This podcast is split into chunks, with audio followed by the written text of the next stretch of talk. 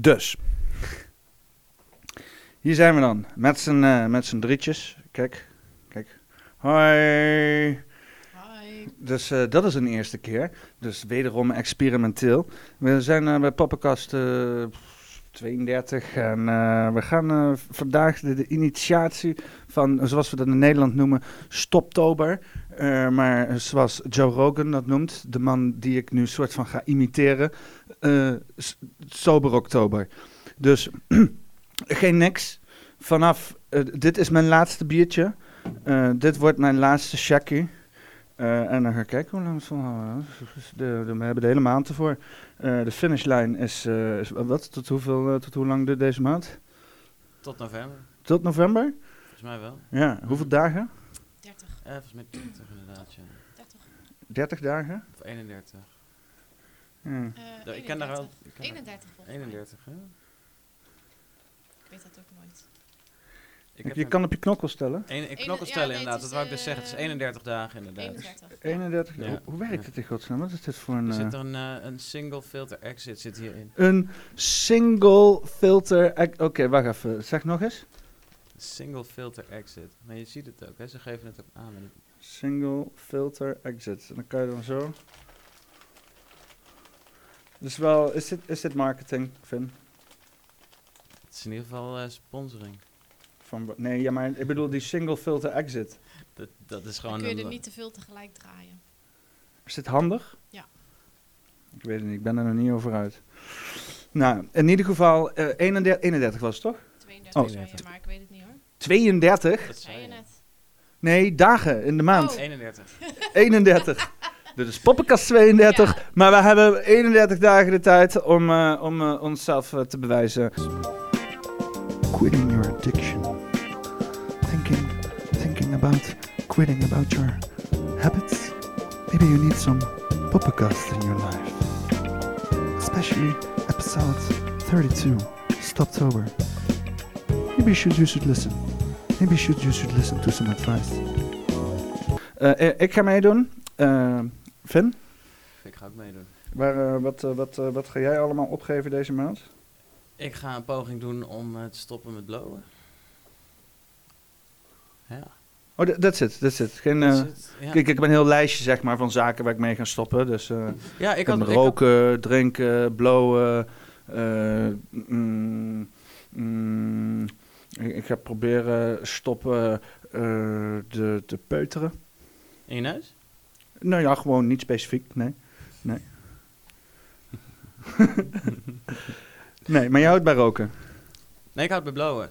Bl- blowen, sorry. ja, nee. voornamelijk. Dus, maar je rookt dus, je gaat wel gewoon door aan de nicotine. Ja, ik denk, ik denk het wel, omdat ik weet dat ik het ontzettend lastig vind om daarmee te stoppen. Eh, ik, heb, eh, ik heb dat een aantal keer geprobeerd. Ik vind dat, ik vind dat eh, streng lastig, laat ik het zo zeggen. Ja. Ja, ik, ik denk ook dat ik het heel ambitieus ga vinden hoor. Dat ik ook over, over een paar dagen mezelf voor de kop sla en denk van misschien moeten we dat gewoon niet doen. Dus, ik, weet- ik, weet niet, ik weet niet hoe standvastig ik hierin ben, maar ik, vind echt wel echt een van de meest doelloze zaken in het leven. Echt tabak roken, gewoon kaal zo. Ja. Het is toch lekker af en toe, hè? Weet je wat het is? Ik, ik rook er liever twee per dag.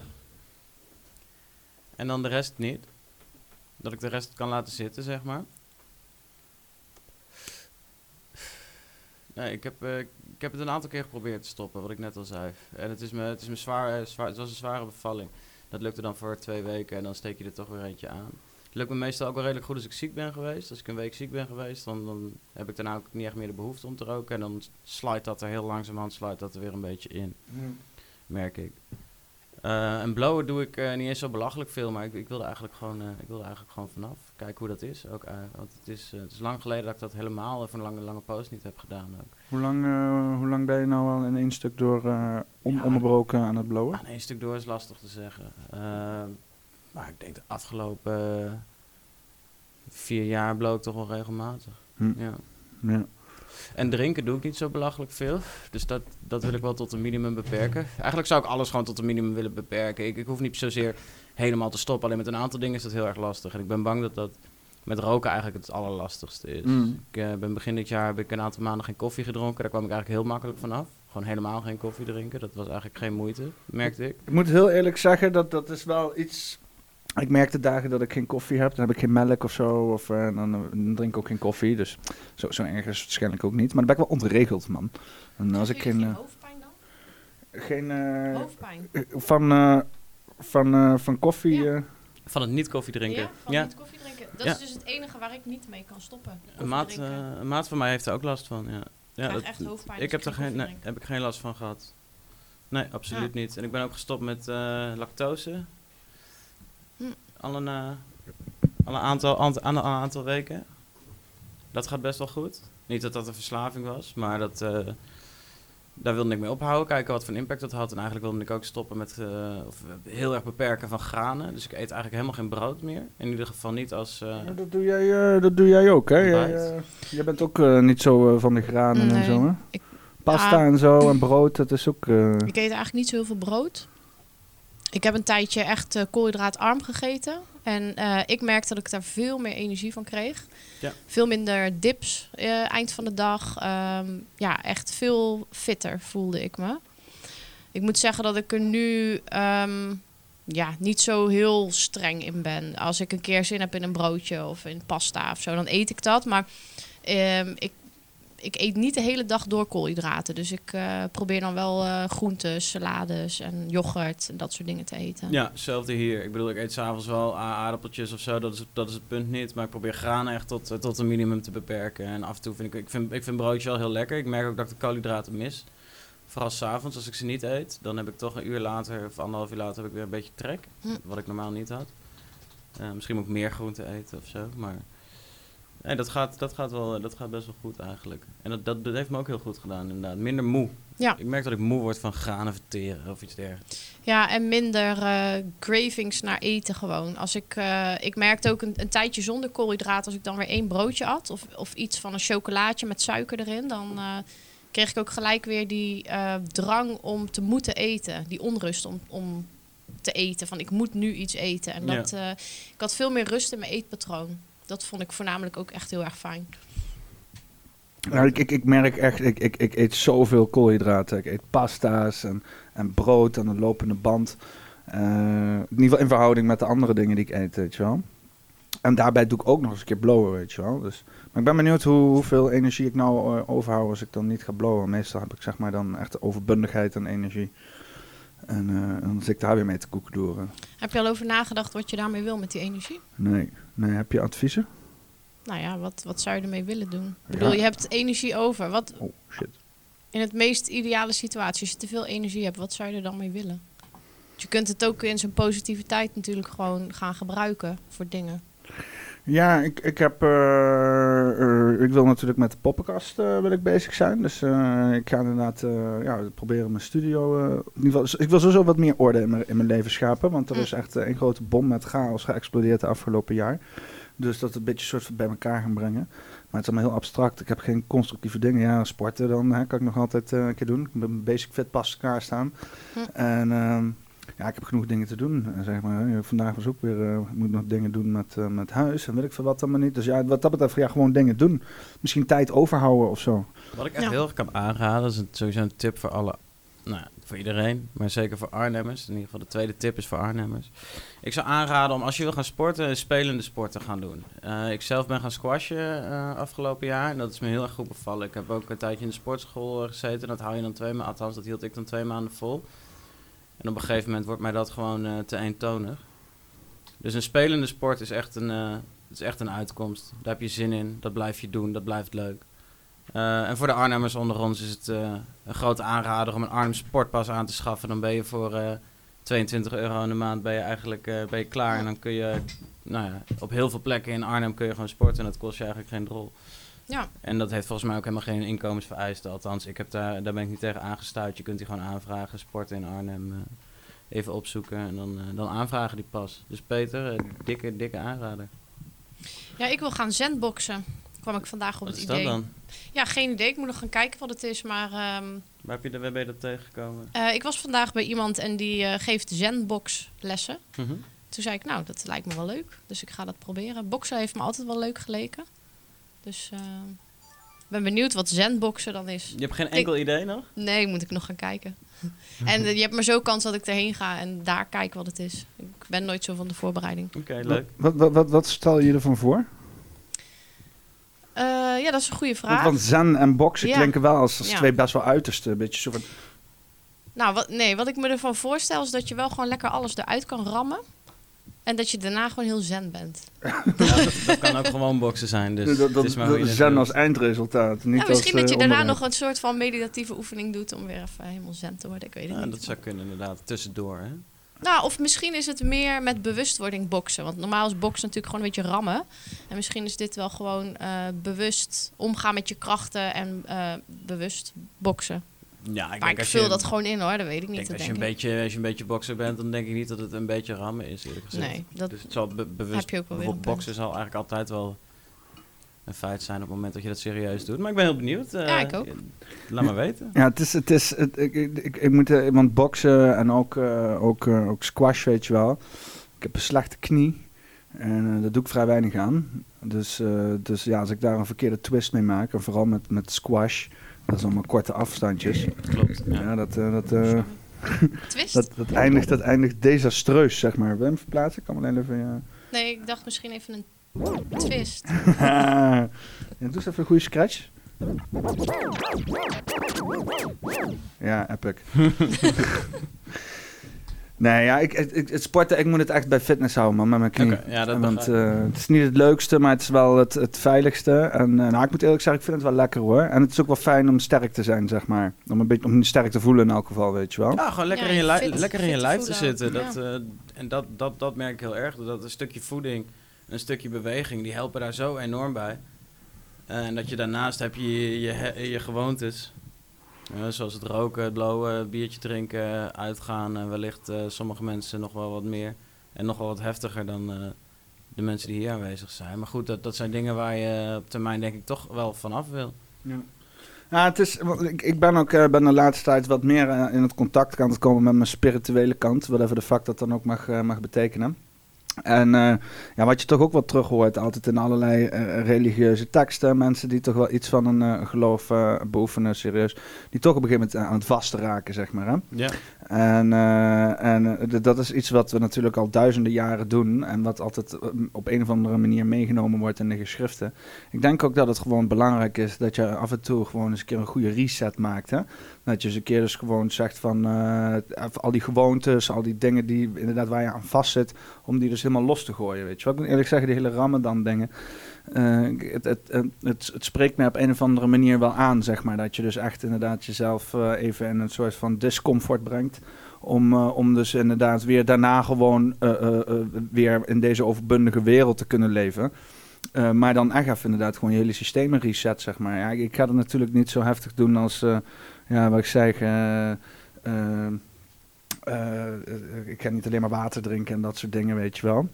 Ik vind de vergelijking wel heel mooi eigenlijk. Want ehm, het is natuurlijk ook een heel proces waar je ingaat als je een hele dag niet eet. Want eten is echt zo'n basale behoefte. Eigenlijk zijn we allemaal verslaafd aan eten, want dat heb je gewoon nodig. En er zijn de mensen die natuurlijk echt verslaafd zijn aan eten, dus die eh, overmatig eten. Eh, maar eten is wel een, een basisbehoefte.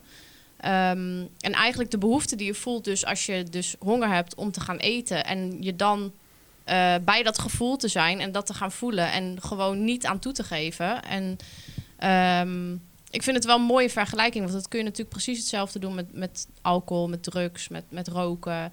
Ehm, die behoefte die je voelt om een sigaret op te steken, om dan te gaan voelen bij jezelf van ik ga dat nu niet doen. En wat doet dat nou eigenlijk met mij? Wat gebeurt er in mijn lichaam? Ik heb met vasten bijvoorbeeld ervaren dat als je voelt dat je honger hebt of trek hebt, ehm, dat gevoel zakt ook weer en dat komt weer en dat zakt weer. En op een gegeven moment eh, kun je in dat gevoel gaan zitten en kun je ook wennen aan dat gevoel. En dan kun je erbij zijn en dan kun je gewoon zeggen van, nou ja, ik heb nu honger. Ja, Ja, oké, ja, ja, ja nee, dat is het. Ik heb honger en ik voel dat. En ik word er onrustig van, maar ik word er daarna weer rustig van. En dan gaat het een beetje op en neer eigenlijk. Ik, ik heb het ook vaak. Ik, ik wil, s ochtends wil ik altijd nog wel heel eh, lang het eten uitstellen. En als ik dan ook, eh, als ik dan die vorige dag vroeg heb gegeten, dan kom- ik, kom ik bijna in een ketose-achtige staat eh, terecht op een gegeven moment. Dan merk ik ook, weet je wel, dat je dan echt zo'n, ja, ik weet niet, zo'n ja, ik weet niet hoe je het wil noemen, een lege maaggevoel of zo. het is voorbij knorrende maag, Ja. zeg maar. Maar dat het echt inderdaad met vlagen komt, inderdaad. Ja. Dat het echt zo'n moment is van, nou, tien minuten dat je een beetje slapjes voelt en zo. En dan daarna is het eigenlijk ook gewoon weer weg. En ja, precies dat En heb je ook met verslaving. Als jij zin hebt in een sigaret en je zegt... oké, ik wacht nu vijf minuten... dan zakt dat gevoel op een gegeven moment ook weer. En dan soms vergeet je gewoon dat je zin hebt in een sigaret. Ja. Heb jij eh, een tactiek, eh Flynn, om jezelf uh, Flynn te- Oh, fuck, ik, nou toch, ik zei nog beneden van, ik moet het niet zeggen. ik ben zo slecht. Ik zei, ja, ik zei de eerste keer al van, dit gaat een probleem worden. God non de. Sorry. Sorry aan het universum. Sorry aan Finn. Sorry aan, aan iedereen in deze zaal. Dat, eh, de zaal. Al deze mensen hier, dat ik me zo uh, wangedrag Heb vertoon. je ook zo'n klappenknopje zo? Nee, ja, ik wil, ik Oh, wil dat nog wel. eh, ik, ik heb wel zeg maar zo'n zo'n pad waar ik allemaal geluidje op kan installeren. Dus dat wil ik nog wel gaan doen. Applaus. Nice, zeker doen. Eh, dan had ik nu boegeluiden kunnen doen, zeg maar. maar Finn, heb jij niet een strategie zeg maar, voor jezelf van eh, op momenten dat je het zwaar gaat krijgen, heb je al zoiets bedacht van, oh, dan ga ik misschien dit doen? Of, eh, behalve afleiding. Andere dingen doen die ik leuk vind. Andere Ja. dingen doen die ik leuk... Of ja, die andere dingen doen die ik leuk vind, dat... Ja, nou, komt er dan op neer dat ik Blow heel leuk vind. Ik vind Blow ook wel leuk. Ik ben ermee begonnen, ik ben, ik ben ermee begonnen op een gegeven moment. Ik deed het eerst heel sporadisch. Eh, en op een gegeven moment merkte ik dat ik s'avonds druk werd in mijn hoofd. Eh, en daarvan, daar, daar kon ik op dat moment moeilijk mee dealen. En toen ben ik begonnen met eh blootjes roken. Want dat, dat, het eases the mind een Mhm. beetje. Eh, inmi- inmiddels niet per se meer. Het, het verzet het eigenlijk alleen nog maar gewoon. Dus in plaats van dat je druk bent in je hoofd met het ene, ben je dan met misschien druk in je hoofd met het andere Ja. eh, door het blowen. En zo ben ik daarmee begonnen. Ik denk dat de beste tactiek is om te stoppen, is gewoon om cold turkey te gaan. En ik weet dat ik in één keer. Ge- gewoon ermee kappen, inderdaad. Alleen ik vraag me dan af of, dat, of ik dat moet zien als ik moet in oktober een maand stoppen daarmee. Of moet ik gewoon deze maand af gaan bouwen en vanaf november gestopt zijn. Is dat, is dat misschien mijn sober oktober of zo? Of mijn, mijn stoptober? Ja, oké. ja, dat je, jij wil echt zeg maar echt een permanent eh, imprint maken, zeg maar. eh. Voor mij is het echt zeg maar gewoontes doorbreken, echt een stukje. ja, maar als je hem nou weer oppakt. Ja, ja, ja. En Jij dan. wil weer beginnen daarna ook?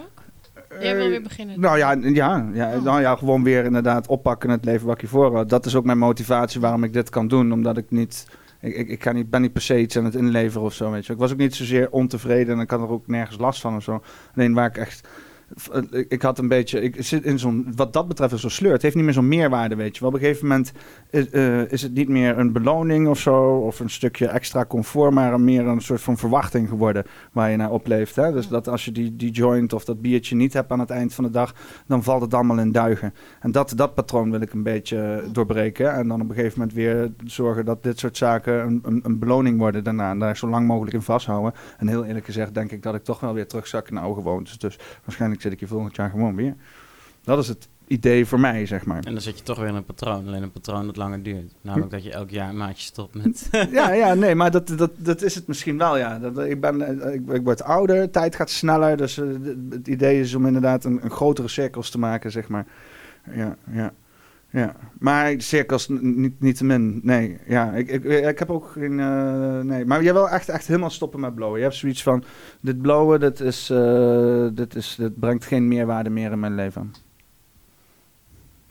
Mm, ik denk op sommige momenten dat het ook in de toekomst, zegt bij wijze van spreken over een jaar, als ik dan hopelijk eh, zo goed als ges- gestopt daarmee ben, het nog steeds af en toe wel leuk vind om te doen. En het waarschijnlijk ook nog wel zal doen.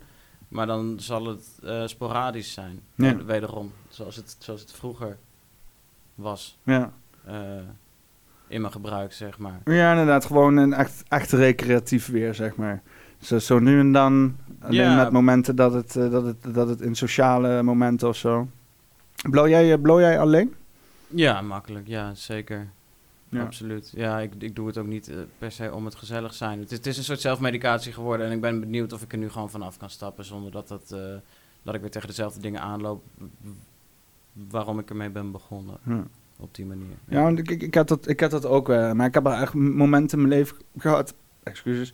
Dat ik, eh, dat ik dacht van, ik ga dit gewoon mijn hele leven blijven doen. Het is prima zo. Alleen, ja, dat, is- dat is het denk ik maar alles. Dat het wel een, een limiet heeft. Hoeveel je het kan doen. En voor mij is dat niet zozeer fysiek of in mijn, in mijn so- sociale omgeving. eh, financieel hooguit misschien zit er een limiet aan. Mhm. Maar, eh, maar eh, het feit dat het gewoon, ja, ik weet niet, dat je, ja, wat ik zeg, dat je het verwacht. Hè? Soms komt het ook gewoon niet uit. Of, eh, en dan sta je daar als een of andere junkie toch nog ergens snel een jointje draait. Dat soort momenten, daar baal ik een beetje van. Ja, en daar, dat ik echt denk van, dat zou ik eraf willen schaven. ja, daar heb ik eigenlijk geen last van. Ik rook denk ik 95% van mijn jointjes gewoon thuis. Weet je wel? En ik word ook niet knetterstoned of zo. En ik doe het ook niet om knetterstoned te worden of, of wat dan ook. Ik doe er ook niet veel in. Ik rook ook niet heel veel wiet weg op een wekelijkse of maandelijkse basis of een dagelijkse basis of zo. Ik, het, is, het is alleen gewoon de, de constante factor Ja. eh, die, die, die, die doorwerkt. Hm.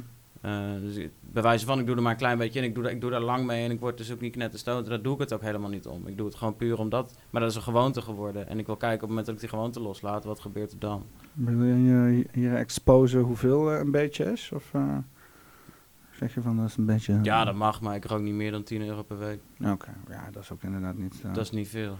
Nee. De, althans, vergeleken met veel andere mensen om me heen... die toch wel een stuk meer eh Ja. blow of blow dun, Ja. die ik ken. Ja. Dus dat, nee, dat valt reuze mee eigenlijk in dat opzicht. Maar het, ik, ja, het is wel een constante factor en het heeft heus zijn impact. Dus ik wil kijken wat er gebeurt op het moment dat ik er nu weer mee stop. Ging jij nog ergens mee stoppen of niet? Mm, nee, Nee. ben ik niet van plan. Ehm, Wat, wat, eh, wat voor een... eh, want ik ga dus morgen bij jou een, eh, een on- ontwenningsbehandeling doen. Eh, en dat gaan we dan als het goed is op een wekelijks niveau aanpakken, Mhm. pakken, zeg maar. Ja. betekent dat ik dus inderdaad eh, in, in een goede sfeer word gezet om eh, daadwerkelijk deze uitdaging aan te kunnen. Wat, wat ga je precies met me doen? Precies weet ik nog niet. Ga ik morgen bekijken. Maar ehm, ik wil sowieso. ik ben van plan om een leverreinigingskuur te doen bij je. Dus dat houdt in dat ik je lever energetisch ga reinigen. Is een, eh, een eh, serie van vier keer elke week. Ehm, ja, je lever is een, een heel belangrijk orgaan wat eh, heel veel op zich neemt. Het heeft natuurlijk een reinigende functie. Ehm, en als je dan gaat stoppen met dit soort dingen, is het wel lekker om die lever ook energetisch te reinigen, om dat op te schonen. Ehm, en er is een heel belangrijk chakra wat echt wel een link heeft met verslavingen. En die wil ik ook graag gaan behandelen. Ja, en ik hoop dat het ondersteunend werkt. Ehm, sowieso is het denk ik goed eh, als je energetisch gaat behandelen, eh, kom je natuurlijk een stukje dichter bij je gevoel. Ehm, ik denk dat eh, de essentie van verslaving, ehm, in mijn ogen, is het niet aan willen gaan van bepaalde emoties of gevoelens. In veel gevallen, daarna wordt het natuurlijk gewenning. Je hebt een stukje lichamelijke gewenning, je hebt een stukje. Het heeft natuurlijk een, een hoop componenten. Ehm, maar als ik kijk naar mezelf, ehm, wanneer ik zin heb in een wijntje of in een sigaretje, dan zijn dat vaak wel momenten dat dat gepaard gaat met eh, bepaalde emoties. En dat kunnen zowel eh, vrolijke emoties zijn, als de zon schijnt en ik denk van nou, het is heerlijk weer, dan smaakt je biertje en je sigaretje echt een stuk beter. Eh, maar ook als ik verdrietig ben of als ik me niet goed voel, dan heb ik daar eh, extra veel zin in. En dat zijn dan de uitdagingen om bij jezelf te gaan kijken van kan ik gewoon in dat gevoel gaan zitten en kan ik dat ervaren in mijn lichaam zonder dat te hoeven afzwakken met iets. Nou, wij, eh, wij zijn eh, hier natuurlijk niet de enige die aan het nadenken ben, eh, zijn over Stoptober. Nederland zit ook in een beetje sfeer.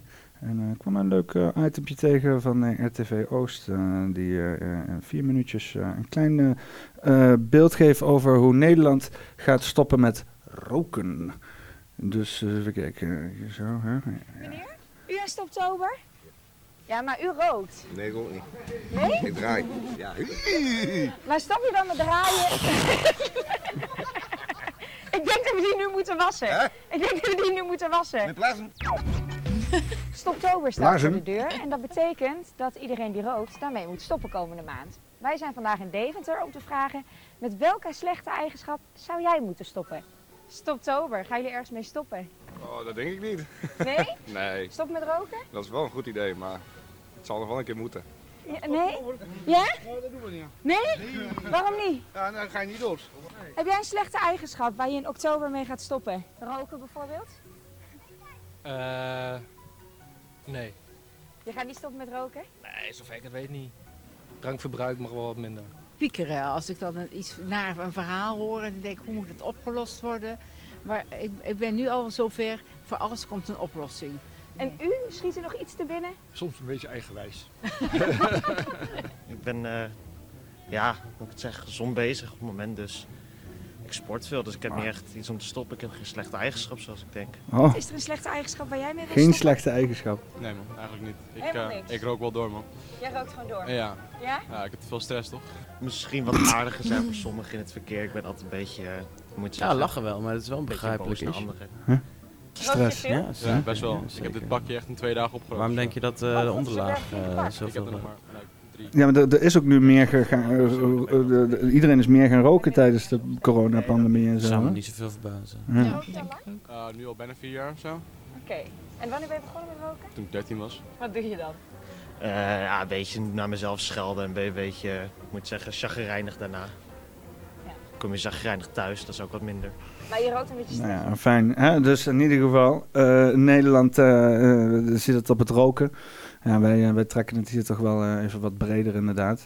Ja, ik, ik moet eerlijk zeggen, in Nederland, eh, pak deze maand, weet je wel. Het is een beetje hetzelfde als Ramadan, dat dan zeg maar iedereen die moslims is, zich een beetje aan elkaar kan optrekken. Zo moet het ook bij Stoptober doen. Dat we een beetje af en toe elkaar een appje kunnen sturen en zeggen, zware, hè, en dan terug, ja inderdaad. Hè, dat is dat beetje, beetje ja, dat, dat gedeelde, gedeelde smart is halve smart, hè. Dus eh, ja, er zijn dus natuurlijk meer mensen in Nederland als je aan het stoppen bent. En dat is wat ik even zeggen. Als je aan het stoppen bent, hè, dan eh, ja, plug jezelf eens even, eh, Claudia. Hè, wat, wat, wat, wat kunnen mensen misschien even, waar kunnen ze je vinden als ze, iets hebben van, oh, het is zo'n behandeling, dat klinkt ook wel misschien iets wat ik moet doen. Ehm, ja, in Renkum, vlakbij Arnhem. En ik heb een website www.realifebeautyandsoul.nl, maar die komt vast wel ergens onder te staan, want het is een beetje lang. Ehm, denk ik. Die kun jij er wel onder zetten. Eh, ja, je bent welkom als je ondersteuning eh, wilt hebben bij het stoppen van wat dan ook. Of eh, het minderen. Ehm, Kunnen ze je vinden op Instagram? ja, ook. Hoe? Eh, ja, hetzelfde. Rea Life Beauty and Soul. Oké. Ja. Dus mensen, Rea, Life, Beauty en Soul. En dit gaat dus voornamelijk om het soul gedeelte. Want in zekere zin is een, eh, eh, een, een, een, een, een stoppen, stoppen is inderdaad een cleansing van de ziel. Ook al is het tijdelijk, ook al is het niet tijdelijk. Exact.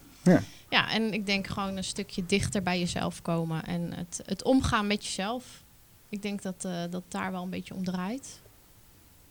En je had het net over een, eh, dat die sessies ondersteunend zijn. Is Mhm. dat ondersteunend aan de acties die al worden ondernomen? Of raad je ook andere eh, ehm, daarbij ondersteunende methodes aan? Dus bijvoorbeeld, jij doet een energetische leverreiniging. Wordt dan ook van de cliënt verwacht dat zij eh, ook de lever dus ook niet zelf gaan belasten tegelijkertijd? Ik neem aan van ik, wel. ik ga er dan vanuit dat je geen alcohol drinkt en niet rookt, want eh, daar kom je dan waarschijnlijk voor. Ehm, maar dus een, een stukje voedingsadvies zit daar ook wel bij, wat de lever dan eh, ondersteunt. Dus eh, geen suiker, geen alcohol, geen, eh, geen tabak.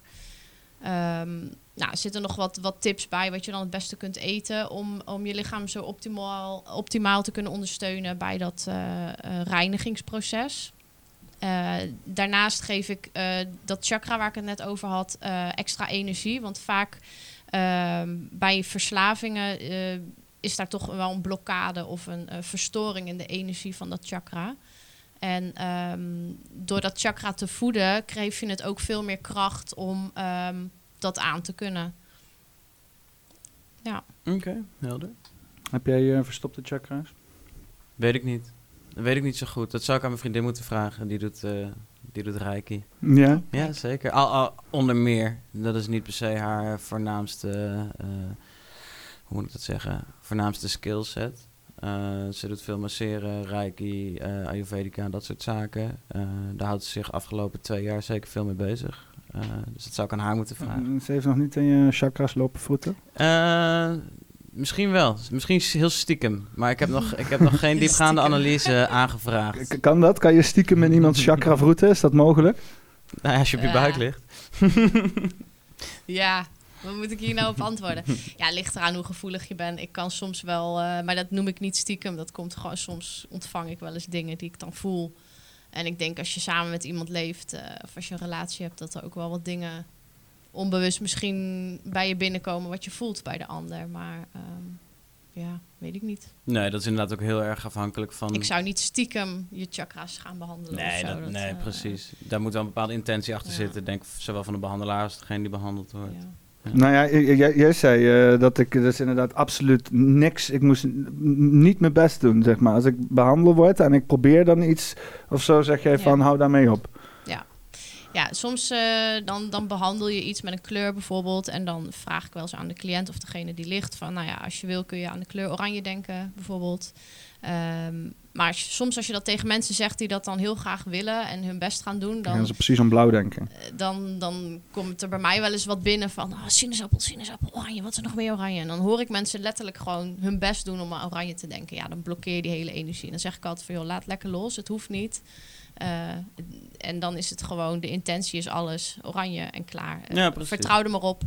En eh, ja, dus doe niet te hard je best, inderdaad. Interessant. Hoe zit het met jou met eh, holistische zaken? Is dat, eh, Ik vind dat een enorm interessant onderwerp. En ja, ik heb sowieso wel de neiging om eh, van alles zoveel mogelijk te weten te komen. Dus ik, ja, ook, da ook daarin probeer ik me te verdiepen en probeer ik alle kennis die op dat pad in ieder geval terecht komt op me te nemen. En daar een toch wel kritische analyse op na te houden. Dat is dan wel weer mijn draai die ik daaraan geef. Dus ik kan enerzijds kan ik zoveel mogelijk op tot, tot me laten komen als het gaat om eh, kennis of nieuwe informatie. En anderzijds moet het wel in mijn eh, kader proberen te passen. En dat kader dat, dat vervormt zich natuurlijk naarmate de kennis tot me komt, andere kennis weer loslaat. Dus dat, maar Even- ga, ga, ga je dan eh, holistische zaken rationaliseren, zeg maar? Of hoe moet ik dat zien? ja, dat, moet ook, ja dat, dat zou ook moeten kunnen als het holistisch is. Ja, ik weet niet. Ik, ik, probeer dan bijvoorbeeld. eh, ik heb dan eh, al een paar keer, of eh, in ieder geval één keer zo'n behandeling gehad. En dan als ik dat probeer te rationaliseren, dan kom je toch in een soort van placebo-achtig gebeuren. En dat vind ik dan toch wel een beetje, ja, toch wel sowieso denigerend richting het werk. En richting de mogelijkheden die er eventueel achter kunnen zitten. Ik weet, ik weet niet of dat, of dat denigerend is ten opzichte van het werk. En ik denk dat we dan moeten gaan definiëren wat het placebo-effect is. Kijk, als pla- placebo-effect is dat ik jou een suikerpil geef en dat weet jij niet. En je hebt zo'n sterke innerlijke eh, wil, meestal gaat het om een stuk wil, eh, die dat kan omzetten in een eh, lichamelijke, fysische verandering waardoor jij je beter gaat voelen.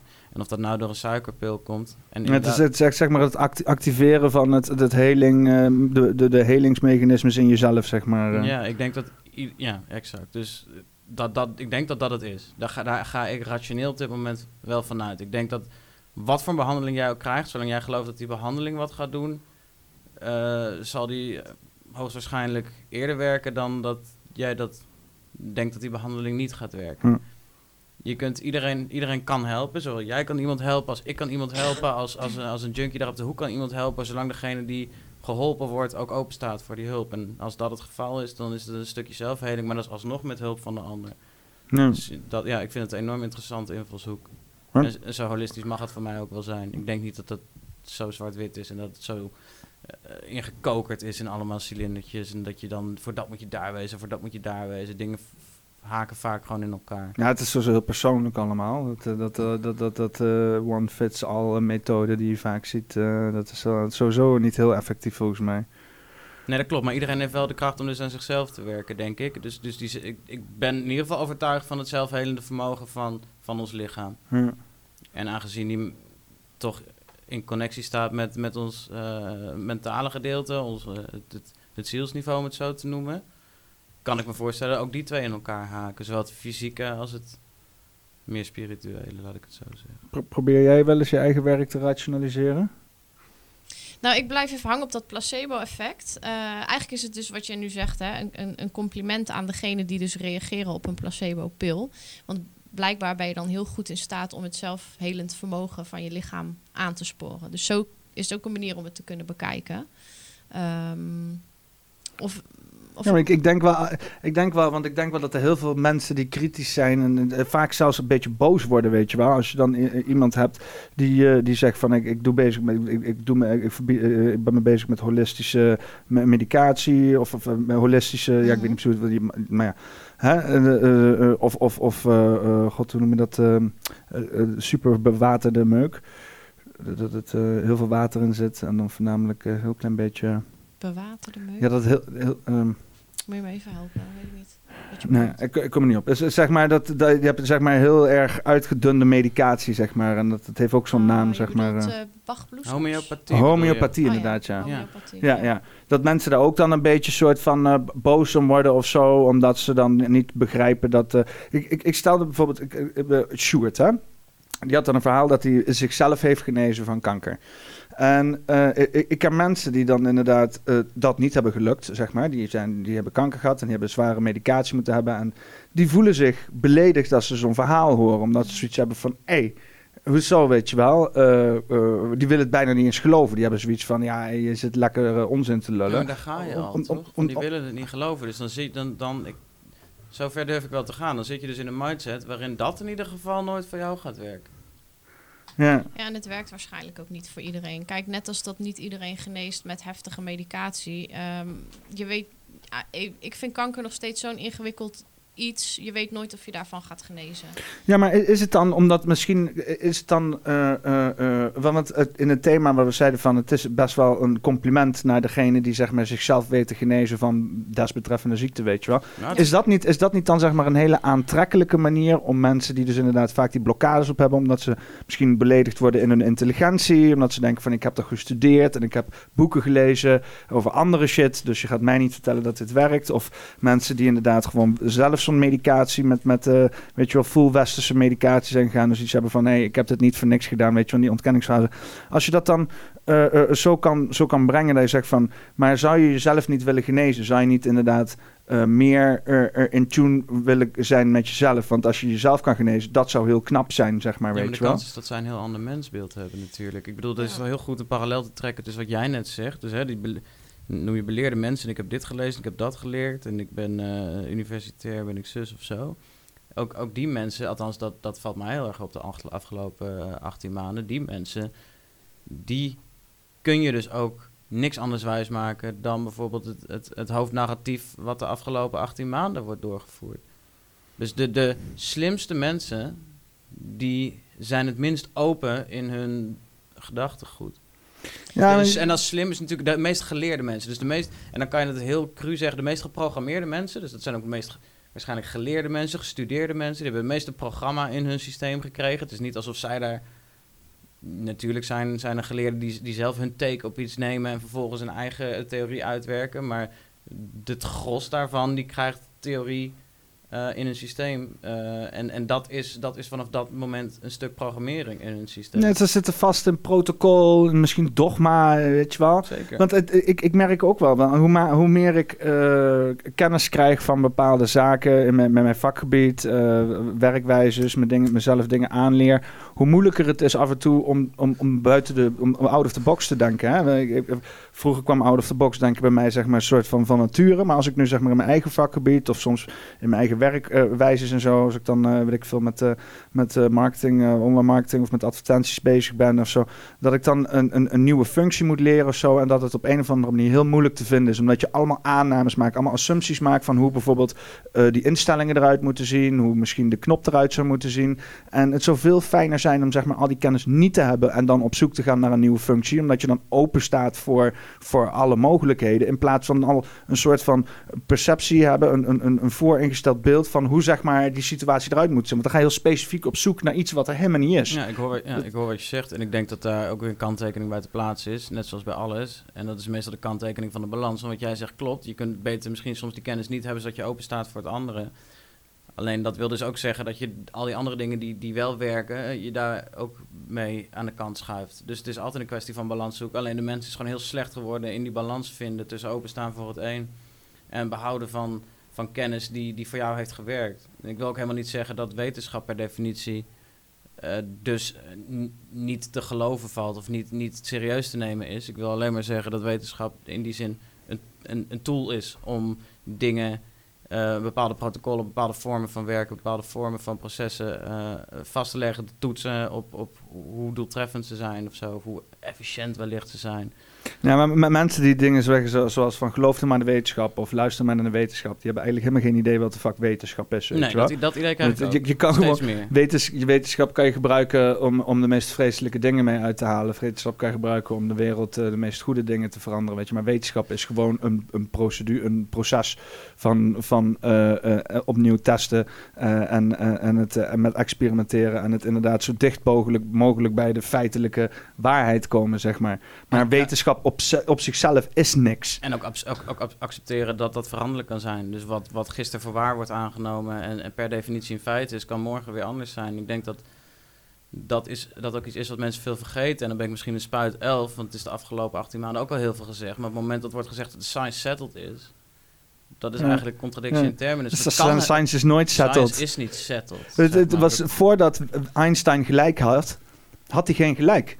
Voordat Einstein gelijk had, wist ieder, dacht iedereen dat het hele universum op een andere manier in elkaar zit. Toen was alleen Einstein degene die, de, die de daadwerkelijk het dichtst bij de re- realiteit zit. Want ik wil ook niet zeggen dat Einstein gelijk zit. Er kan, kan vast wel weer iemand die hem ongelijk eh, geeft op een of andere manier. Maar het feit dat dus inderdaad, als je naar de berekeningen kijkt, tijd, ruimte één geweefsel kan zijn. En dat daarin dus inderdaad eh, eh, golven komen die veroorzaakt worden door zwarte gaten. Die shit is gemeten anno 2000, eh, wat was het, 18 zeg maar, met eh, in- interferometer, zeg maar twee lasers, hele lange lasers. En die, die gaan heen en terug. En dan heb je, dan, dan een laser is zeg maar een straal zo, hè. En dan... ehm, eh, dan raken ze een spiegel. En dan op het moment dat er dus inderdaad een, een rippel is, een golf in een, tijd-ruimtecontinuum, dan gaan, omdat licht dus zeg maar altijd een vaste snelheid heeft, gaat altijd lichtsnelheid, wordt zeg maar die laser wordt uit fase getrokken. Dus je hebt zeg maar dan zo'n eh, eh, een golflengte Mhm. en die laser gaat heen en terug. En als hij dan uit fase wordt getrokken, dan cancelt hij zeg maar zijn eigen lichtstraling uit. Ja. Dus wat je dan ziet, eh, is een knipperend puntje. Mhm. Als er dus inderdaad, hè, dus je hebt een gigantische installatie, is het echt een, een, een, een zieke, zieke twee kilometer lange tunnel, twee kanten op. En dan uiteindelijk zitten daar iets van honderd wetenschappers zitten met z'n allen naar zo'n klein puntje te kijken. Zo, zit hij te knipperen? Zit hij te knipperen?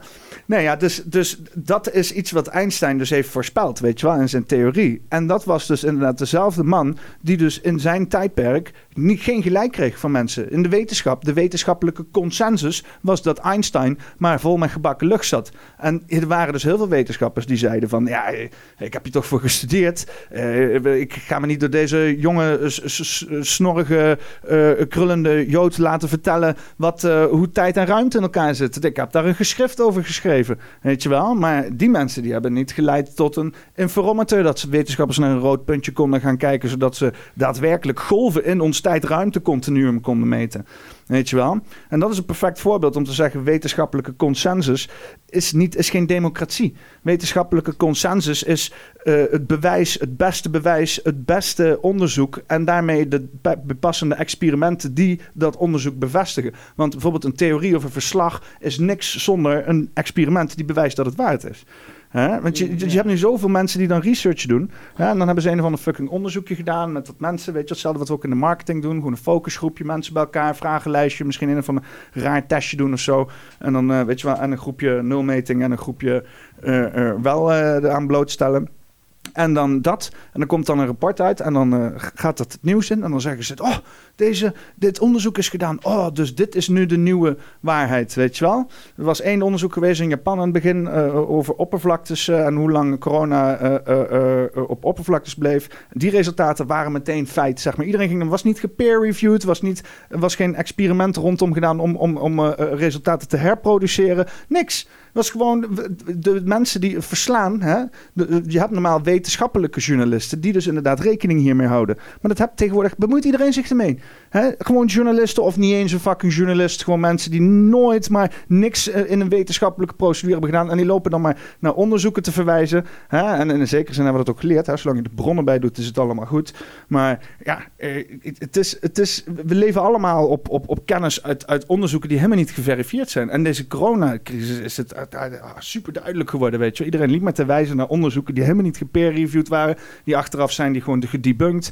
Weet je, je had zo'n onderzoeken in Engeland van de school van Pr- Princeton of zo. En die hadden inderdaad eh, eh, een onderzoek gedaan hoe lang zeg maar, corona in de lucht eh, daadwerkelijk viraal bleef. Klopt helemaal gereed van. Hadden ze een waardeloos onderzoek uitgevoerd. Maar daar is wel het beleid in het begin helemaal op, op, op, op uitgegaan. Ja, precies. En dan kan je je afvragen waarom het onderzoek gepubliceerd is. Maar goed, om er niet te ver af te wijken wellicht. Het belangrijke is dus hou een open mind als wetenschapper, als mens, als spirit. Blijf openstaan voor zaken waarvan je misschien denkt dat het eh, heel anders zit. Ik denk dat dat heel erg belangrijk is. Wat, eh, wat, eh, wat, wat vind je nou van het hele wakku wakku gebeuren dan?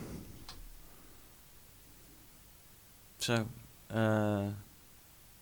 ik had niet anders verwacht dan dat ze uite- uiteindelijk toch gesloten zouden worden.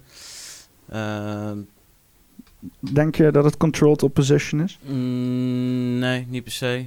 Nee, niet per se. Dat, dat, dat, dat maakt ook helemaal niet uit. Ik eh, ben alleen bang dat, dat het feit dat mensen nu zeggen, een aantal mensen zeggen, dat, dat, dat zij voorbeeldfunctie, dat zij als voorbeeldfunctie kunnen dienen voor eventueel andere horeca-ondernemers, vind ik misschien iets te positief.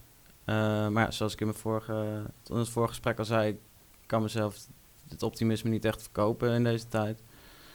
Eh, ik ben bang dat, kijk, zij hebben nu iets meer dan twee ton opgehaald, geloof ik. En ik gun het ze van harte. En daarmee kunnen ze waarschijnlijk of hun zaak overeind houden. Of in ieder geval fatsoenlijk de boeken sluiten uiteindelijk. Ik weet niet waar het, het op neergaat. Ja, maar Robert, eh, dat was, het is niet zo'n heel groot zaakje volgens mij. eh. Het zit wel in Amsterdam natuurlijk. Het is wel Louis duur natuurlijk. Nou, het zit in Utrecht. Nou, dan moeten ze niet zo zeuren. Dan komen ze echt wel rond met twee ton. ja, Utrecht is ook Louis duur natuurlijk. Ja, ik weet niet. Ik vind het, ik vind het, eh, het is ook gewoon, ik, kijk ernaar en ik denk ook, eh, het is ook, eh, maar weet je wel, mensen gaan nu ook al zover dat ze zeggen, Café Weltsmerch is controlled opposition. En dat, weet, je, weet je waar we het over hebben? Heb je enig idee wat, wat, waar we het over hebben? Heb je, heb je Waku Waku meegekregen, Claudia? Ja, ik, ik volg het nieuws niet, zoals jullie weten. Maar ik heb dat wel meegekregen, inderdaad. En ik vind het ook wel opvallend. Het is natuurlijk wel weer eh, allemaal heel groots eh, in beeld gebracht. En een, eh, een waarschuwing naar de rest van de horeca van... eh, ja, waag het niet om eh, toch de regeltjes niet te volgen. Want we controleren en je zaak gaat dicht. En je verliest, je verliest het. Dus, nou ja... Ja, want het is geen hoopvol verhaal. Hè? Het is inderdaad niet dat je inderdaad ernaar kijkt en denkt... oh, daar raak ik geïnspireerd door eh, en ook iets te gaan doen. Je, hebt, je wordt er eigenlijk een beetje moedeloos van, zeg maar. Nou, ja, wat het ik, wat is ik een beetje bangmakerij weer. Nou, ik van- weet niet. Ja. de, verslaggevingen van eh, in, in de mainstream kan bangmakerij zijn en werkt waarschijnlijk ook zo of is zo aangegrepen van inderdaad wat je zegt. Van je, je kunt het doen, je kunt iedereen achter je hebben staan. En dat vind ik wel hoopgevend, hè, dat daar gewoon heel veel mensen op afkomen.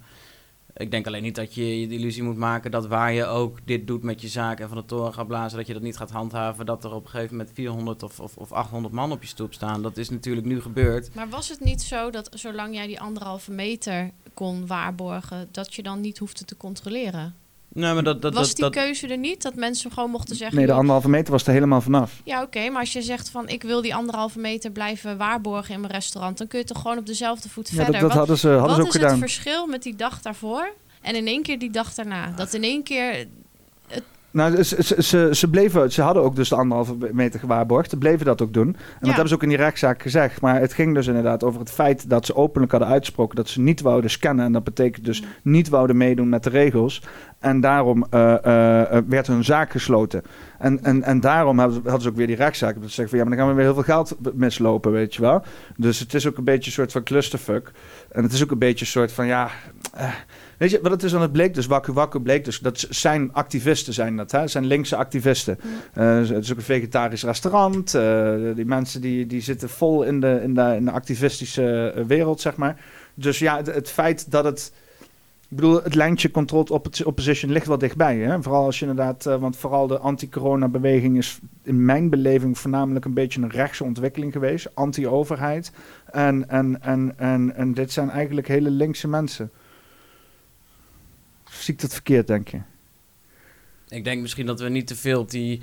Links-rechts gebeuren. Op dat is links en rechts gebeuren? Sowieso ingestort tijdens corona helemaal. Ja, daar, daarvoor al denk ik. Dus ik, ik vraag me af of dat relevant is. En ik vraag me af of het relevant is om een hypothese te stellen of dat, of dat gecontroleerde oppositie is. Dat weet ik niet. Het maakt niet uit. Het is hoe het aangegrepen wordt. En het wordt aangegrepen. Het was een verhaal, we hebben het gezien. Nou ja, kijk, het wordt aangegrepen door de ene kant, het wordt aangegrepen door de andere kant. En de ene spint die kant op en de andere spint die kant op. En de waarheid ligt eh, of in het midden of, of in een bepaalde marge ervan af. Eh, Het is zo lastig te zeggen. Ja, want dat is een beetje, want ik, ik, ik, ik kon altijd dan zeg maar, dan denk ik, oké, van dit is dan mainstream, eh, dit is dan zware obscure informatie. En dan ging ik dus inderdaad een beetje tegen elkaar en dan in het midden was mijn waarheid. Daar heb ik zeg maar de komende tien jaar een beetje mijn realiteit mee gevormd.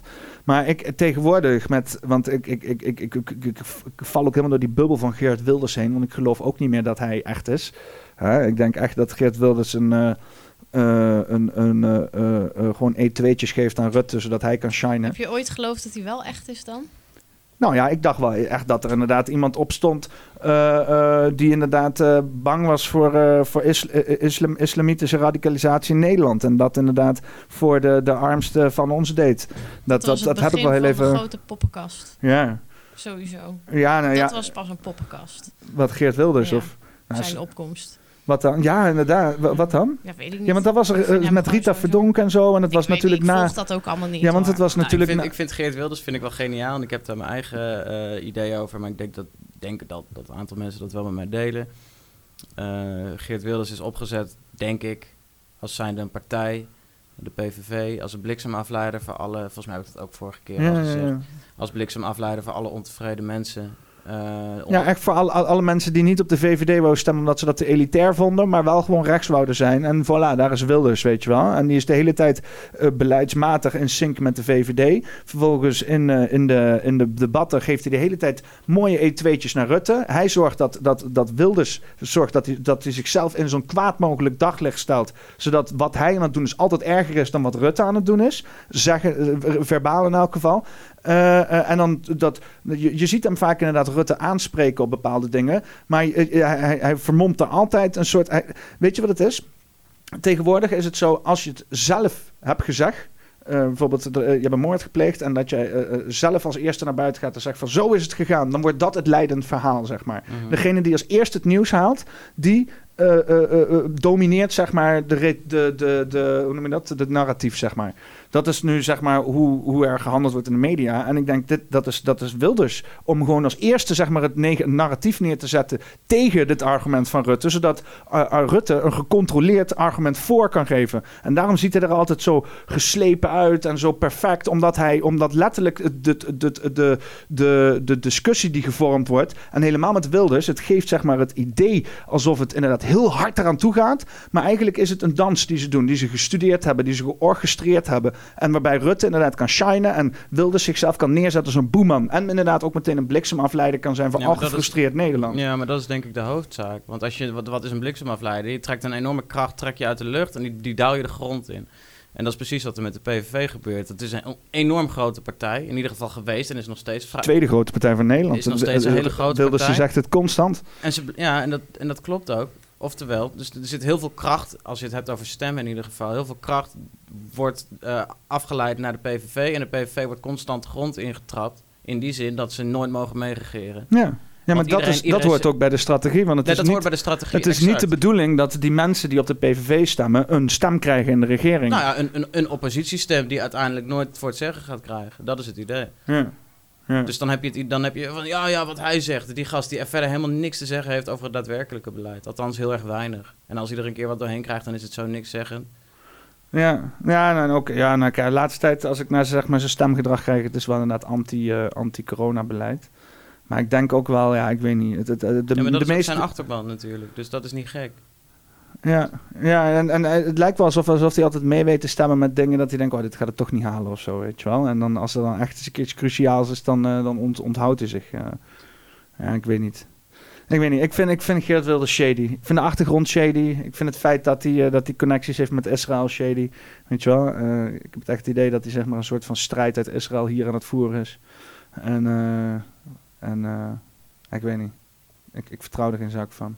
En misschien is, is gewoon Rutte zo, dat ik Rutte zo wantrouw, dat het gewoon effect gaat hebben op mensen om me heen, zeg maar. Ja. En je weet natuurlijk dat Wilders, een, eh, Rutte was een, eh, een protégé van Wilders, hè? toen in de tijd van de VVD. Zeker twee hebben allemaal in de VVD gezeten. En Wilders, die heeft eh, Rutte opgeleid. Die heeft hem gemaakt tot de duivelse Andersom misschien? bloedzuiger die die is.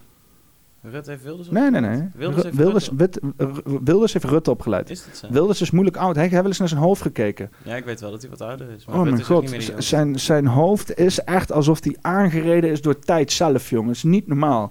Nee, en, en, Rutte die ziet er echt uit alsof hij eh, alsof hij echt net uit de baarmoeder is komen rollen. Die gozer is Nou, nog die zo is ook wel verouderd de afgelopen anderhalf jaar, vind ik hoor. Ja, vooral als je die, die, die filmpjes van vroeger ziet, ja, dan was hij nog- hij nog gladder. Nee, ja, het is... eh, ik weet niet. Als zij nou ook eens zouden stoppen deze maand, dat zou een hoop schelen natuurlijk. Gewoon met z'n allen, Ja. collectief. Stoppen met wat? Met alles. Gewoon met, met, even met alles, kijken wat er gebeurt. Even die reset waar je het net Ja. over had. Met- Laat de boel even de boel een Laat, de boel eens Ja. even de boel. Maar zou wie- er dan wacht- gebeuren? Wacht even, wie moet stoppen met wat? Nou, het kabinet maar eens. Oh, oké. Het kabinet moet ook stoppen met alle drugs die ze doen, zeg maar. Ja, of met, of, of met politiek voeren zoals dat de afgelopen eh, decennia hebben gedaan. Ja, oké, ja. Ja, ja, want daar gaan, daar gaan ze ook wel hard op, hè, inderdaad, op hun eigen beleid. Ja, ik, ik weet niet. eh, ik, eh, ik, ik vraag me af. eh, ik vraag me af of het nog te stoppen is. Ik weet het niet. Het enige, enige wat je zou kunnen doen is echt een hele bak zand in de motor kunnen gooien. Maar dan moet je er je eerst dicht, dicht genoeg bij de motor kunnen komen, weet je wel. En een goede bak zand hebben. Ja, dat heb je goed gezegd. Dat heb je goed gezegd. Ik denk, er wordt natuurlijk al veel gezegd, want burgerlijke ongehoorzaamheid eh, kan, een- kan een... kan zo'n bak zand zijn, alleen eh, zie je al die zandkorreltjes maar eens bij elkaar te krijgen om die bak er in zijn geheel in te flikkeren. Dat eh, zie ik nog niet gebeuren voorlopig. Ben jij wel eens burgerlijk ongehoorzaam, Claudia? Nee, Ben jij wel eens burgerlijk ongehoorzaam, Finn? Ja, lichtelijk. Ik, eh, meestal. Als het even kan. Nou ja, ik, ik, ik, ik had, ik had, eh, ik, ik, eh, ik denk, eh, ik heb laatst heb ik inderdaad eh V voor Valentine gekeken. Ken je dat? Ja. Eh, dat zijn, eh, dat zijn, eh, dat zijn twee libertariërs. Weet je, weet jullie, weet jullie, kennen jullie het libertarisme? Nee. Ken jij dat? Ja. Ja. Dat is ook vooral in Amerika, zeg maar. Amerika heb je twee partijen dominant. De Democraten en de Republikeinen. Republikeinen zijn rood en een olifantje. Democraten zijn blauw en een ezel. Eh, en dan heb je dus schijnbaar nog geel. Hè? En eh, geel is... Je hebt ook nog groen, volgens mij. Eh, maar laten we het even bij geel houden. Want die, zijn, die, zijn, die, hebben, die andere twee die verdelen zeg maar 48 procent. En dan heb je 2 procent hebben de libertariërs. Maar dat zijn dus mensen die zeg maar gewoon minder overheid willen. Die willen gewoon, die willen gewoon, die hebben zoiets van hoe kleiner de overheid, hoe beter. Dus in Nederland heb je dat nu dus ook. Heb je dus eh Viva Valentine, dat is, eh, eh, weet ik dus, kan ik weer, oh ja, Boris van der Ven van, van, van Game King volgens mij, als ik het, ik het goed heb. En en Robert Valentine, en hij is dus inderdaad de lijsttrekker van de Libertarische Partij in Nederland. De, de, de LP. LP, zeg ik het goed? Ja, of LB. Libertarisch, nee, Libertarische Partij inderdaad. Ja. Is, dat, is dat iets waar je op zou stemmen? Ik, ik denk niet dat ik eh, voorlopig nog heel veel ga stemmen, eerlijk gezegd. Het zou natuurlijk heel raar zijn als je democratisch en libertarische partij aan de macht stemt. Ehm, ik denk ook dat hij weet volgens mij ook donders goed dat dat, dat dat er nooit door gaat komen. Ik vind het goed dat het vertegenwoordigd wordt. Maar dat, zo, het is goed dat zo'n partij, of in ieder geval dat, dat er een collectief zich bezighoudt met dat soort ontwikkelingen. Eh, ik denk dat het op de achtergrond belangrijk is en wellicht als een soort denk-tank-idee, om dat woord maar eens op te gooien, is dat denk ik een goede. Maar als, als politieke partij in de Nederlandse Kamer zie ik dat niet zo snel gebeuren. Dus nee, dat zou ik niet zo snel doen. En maar het enige wat we hebben in de politiek zijn mensen die maar meer regels bedenken en meer regels en regels erbij gooien. Totdat op een gegeven moment wij toch gewoon een wetboek hebben dat zo dik en achterlijk complex is dat het. En volgens mij zitten we daar nu al in. Ik heb naar letterlijk. Ik heb die rechtszaken zitten kijken hoe dus inderdaad eh, drie juristen en een rechter, of vier juristen en een rechter er gewoon niet uitkomen hoe de wetgeving nou in elkaar zit, weet je wel. Zitten ze met z'n allen een beetje naar elkaar te kijken en zeggen, is een wetboek erbij pakken en zo. En nu helemaal met die corona, het is allemaal een grote opstapeling van, van verwijzingen naar vorige wetgevingen, naar verlengingen, naar noodprocedures, afhankelijk zijn van specifieke situaties. Het is, het is, het is, het is helemaal niet meer recht toe recht aan. Moet er niet gewoon eens een keer een, de, een, iets in de politiek gegooid worden voor politiek sake en ook voor de sake van onze overheid om gewoon eens te beginnen met shit te ontmantelen. Dat zou, eh, dat zou helemaal niet verkeerd zijn, denk ik. Maar zie, het maar eens, zie maar eens op poten te zetten binnen een systeem wat dus al draait op precies die manier die jij net beschrijft. Ja, want als, als, je het kan, als je het kan brengen dat het goed is voor de staat, dat het goed is voor de overheid en voor de politiek, om dus inderdaad te gaan kijken, om dus even de boel zo flink mager te maken, weet je wel. Om gewoon inderdaad alle essentiële dingen, echt een beetje de dingen die er, er zijn om de grondrecht omhoog te houden, dat die blijven, zeg maar. En echt al die onzin eromheen en zo, ook de belastingdienst helemaal weggooien en gewoon helemaal opnieuw te beginnen. Ik vind ook, ik, ik heb het al een paar keer gezegd, belastingdienst is echt een kutnaam. Waarom noemen we de bijdrage aan onze eigen fucking maatschappij een belasting? Dat is alsof ze willen dat we, dat we, het- dat we er een hekel aan hebben. Ja, dan is dus een, maar de vraag in hoeverre dat een bijdrage is aan je eigen maatschappij. Ja, inderdaad. Ja. Gewoon het feit dat het belasting heet is al het bewijs genoeg dat het, dat het geen bijdrage is, maar gewoon een beetje burgertje pesten. Ik vraag me af, weet je wel. Er worden wel echt met bedragen gegooid dat ik echt denk van volgens mij... Kijk, die belasting die gaat gewoon eh, eh, eh, in, in een groot, groot soort van, van, van wolk van schuld gewoon. Verdwijnt in de, in, de, in, de, in, de, de ECB, weet je wel. En ondertussen zit ze maar gewoon een beetje fictief geld bij. Volgens mij is er helemaal geen balance sheet meer. Het is gewoon allemaal soort van... Weet je wat, wij hebben een balance sheet. De, prins heeft een, de, de koning heeft een balance sheet op Prinsjesdag. Maar daar voorbij is het allemaal gewoon, gewoon on- oneindig veel geld. Volgens mij... Ja, dat is een beetje, dat is een beetje goochelen natuurlijk. Eh, dat, ik, ik, neem dat ook, ik neem dat ook niet heel serieus meer. Ik kan me ook niet voorstellen dat, dat dat al die tijd nog zo perfect is bijgehouden of zo. Hè? Precies wat jij zegt. Ik denk dat die, die balance sheets, die zijn er wel, maar die zijn vloeibaar. Die zijn dynamisch. Die zijn, die zijn niet... Daar, daar, daar kun je niet op bouwen. Dat idee heb ik. Dat idee kan, je ik geen fonds rondom bouwen, zeg maar. Dat is allemaal met je afspraken tussen landen. Mensen die elkaar hier en daar wat gunnen. Schulden die zijn, eh, die zijn eh, ge- ge- gezet, zeg maar, door, ah, ja, door, door gebouwen of landgoed of iets wat nog, zeg maar, aan elkaar... eh, of diensten of zo, weet je wel. Die nog, want dat doen, eh, doen ze ook heel veel met, tegen elkaar. Dus als landen, zeg maar, met elkaar handelen... dat ze bijvoorbeeld bepaalde producten tegen elkaar afschrijven en zo. Hè? Dus wij krijgen bijvoorbeeld van China heel veel, eh, weet ik veel, rubber eentjes... ter waarde van, van eh 9,5 miljoen. en wij doen goudse kaas exporteren naar, naar China. Ja, en als ze dan allemaal de, de hele tijd met geld lopen schuiven, schiet ook niet op. Zeggen we van ja, we hebben hier wel 9,5 miljoen waard aan goudse kaas liggen. Die sturen we jullie kant op en dan spreken we nergens meer over. Zo is het ook. Je hebt zeg maar die, die, die handelsbalance, weet je wel, die ook dus inderdaad. eh, ja, dat is eigenlijk bijna een soort van, hoe noem je dat? Ehm, Ruilhandel. ja, eh, in Natura is het bijna. Dat gebeurt dus ook op nationaal niveau of op, zelfs op, ja, op Europees met China en dingen niveau, zeg maar. Worden zo ook handelsdingen tegen elkaar afgeschreven. Dat heeft ook niks meer te maken met valuta. Nee, nee hoeft, hoeft denk ik ook niet altijd. En, en als, het echt, als het echt niet meer bij te houden is, dan vlieg je er gewoon een vliegtuig in en dan hup, zijn we gewoon eh, World Trade Center. Want daar, daar, lagen, daar lag al die shit. Daar lagen zeg maar de, de, de archiefkasten met, met wie wat nog kreeg en zo. En dan heb je weer een schone lijn natuurlijk. Ja, Had jij het er niet over dat je met een schone lei wou beginnen of zo? oké. Wie heeft er nog een vliegtuig voor mij? Ik weet niet. eh, ik, ik zou wel. eh, nou ja, dat moet ik natuurlijk niet op, op de podcast zeggen. Maar er zijn wel instanties. eh, in het land waar ik woon. die eventueel wel een, een bepaald apparaat. in hun gevestigde hoofdkwartier mogen ontvangen. die van een desbetreffende snelheid. toch wel een enigszins eh, ravageachtige bedoeling achterlaat. Daarmee wil ik verder niks zeggen. Ik zeg niet dat het moet gebeuren. Ik zeg alleen diep van binnen, diep van binnen zit er ergens een wens dat ik dat ooit nog eens een keer mee mag maken in mijn leven. Niet door mij, niet door. En ik, ik adviseer niemand om het te doen. Niemand moet het doen eh, om, om, om desbetreffende eh, eh, voertuigen of, of, of grote objecten in, in, in overheidsgebouwen te plaatsen om ze vervolgens bepaalde destructie te kunnen veroorzaken is absoluut niet de bedoeling. In geen enkel geval moet je niet doen. Ah, het zou toch wel eens een keer mooi zijn. Weet je, die, die scène van, van, eh, van... Weet je wat het is? Want ik, Lange Frans, die is, die is ge- gelange Franst. eh, omdat hij zei dat hij... eh, weet je, die zat met Janet Ossebaar te fantaseren over de moord van Rutte. Ja, dat, hè, dat had ze dan heel casual te doen. En toen heeft YouTube heeft hem gefranst. Hè, die hem gewoon afgegooid. Dus, dus ik, daarom, Ik zou dit er ook gewoon uitknippen. Nee, nee, nee, nee, nee, nee, nee. Ik probeer die lijn te bewandelen. Maar ik, ik, ik, ik, ik wil wel zeggen van, we zijn ook gewoon, er is popkunst. Ken, ken je V for Vendetta? Ja, absoluut. De film bedoel je? Ken je for Vendetta?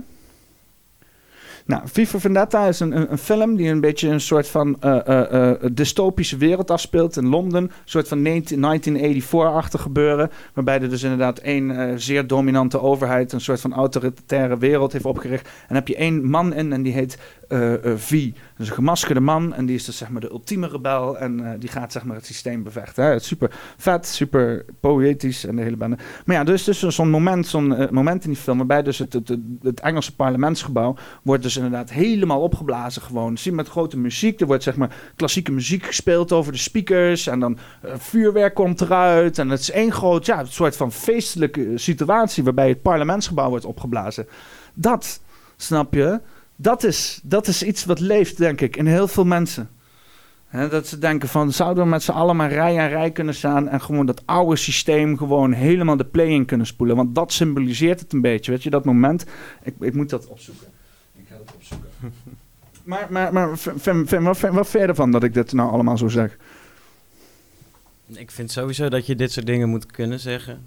Ik bedoel, het, ook al wil je niet dat die dingen echt gebeuren of ben je ze zelf eh, natuurlijk niet aan het plannen, gaat het erom dat daaronder een bepaalde eh, frustratie ligt en die frustratie mag uitgesproken worden. Dus wat mij betreft eh, mag je dat soort dingen gewoon zeggen, uiteraard. En jij, eh, en jij Claudia, wat vind je ervan? Nou ja, je weet dat ik eh, niet zo van uitspraken hou die je eigenlijk liever diep van binnen niet eh, wenst. Maar toch het universum ingooit zoals je telefoon die ontploft en kapot gaat. En, Ja, maar dit wens ik dus wel diep van binnen. Maar ik, ik, ik, ik wens niet dat. Ik wens niet dat het, dat het gebeurt door mij. Snap je? Ik, snap, ik wil niet dat het dan gebeurt en dat dan iedereen naar mij gaat zitten wijzen van ja, dat heb jij gedaan. Ja, daar, daar zit ik niet op te wachten. Dan zou ik dit eruit knippen. Gewoon niet doen. Als je dit zit te luisteren en je hebt raar ideeën in je hoofd. Ik, ik, ik, disclaimer, dit heb je niet van mij. Dus nu ga ik even een stukje in, in het kader van... eh, Dit heb je niet van me. in het kader van eh, niet mensen, mensen opjutten, zeg maar. Weet je wat ik doe? Ik laat het opjutten gewoon lekker door eh, de regisseur doen van V for Vendetta. Want die kent het nog altijd veel beter als dat ik het doe. Jo.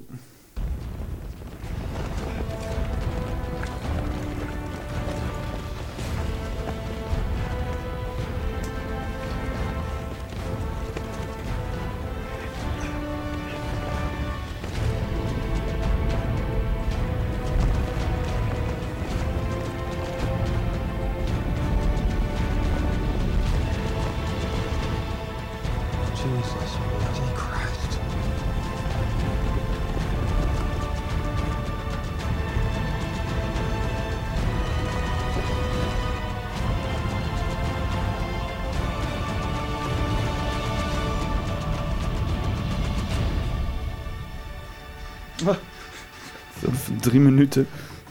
Ah, wel- dat is het wel waard.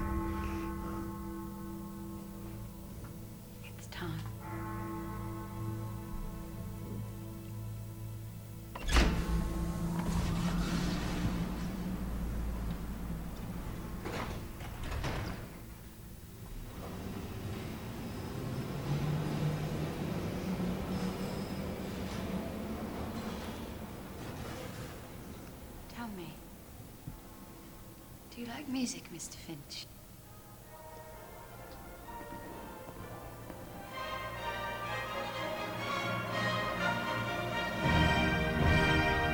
Yeah, fuck yeah. Snap je?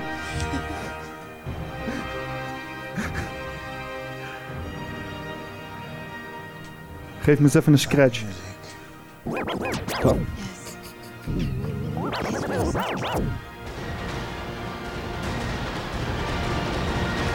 Ja, spoiler alert voor mensen die de film nog niet hebben gezien.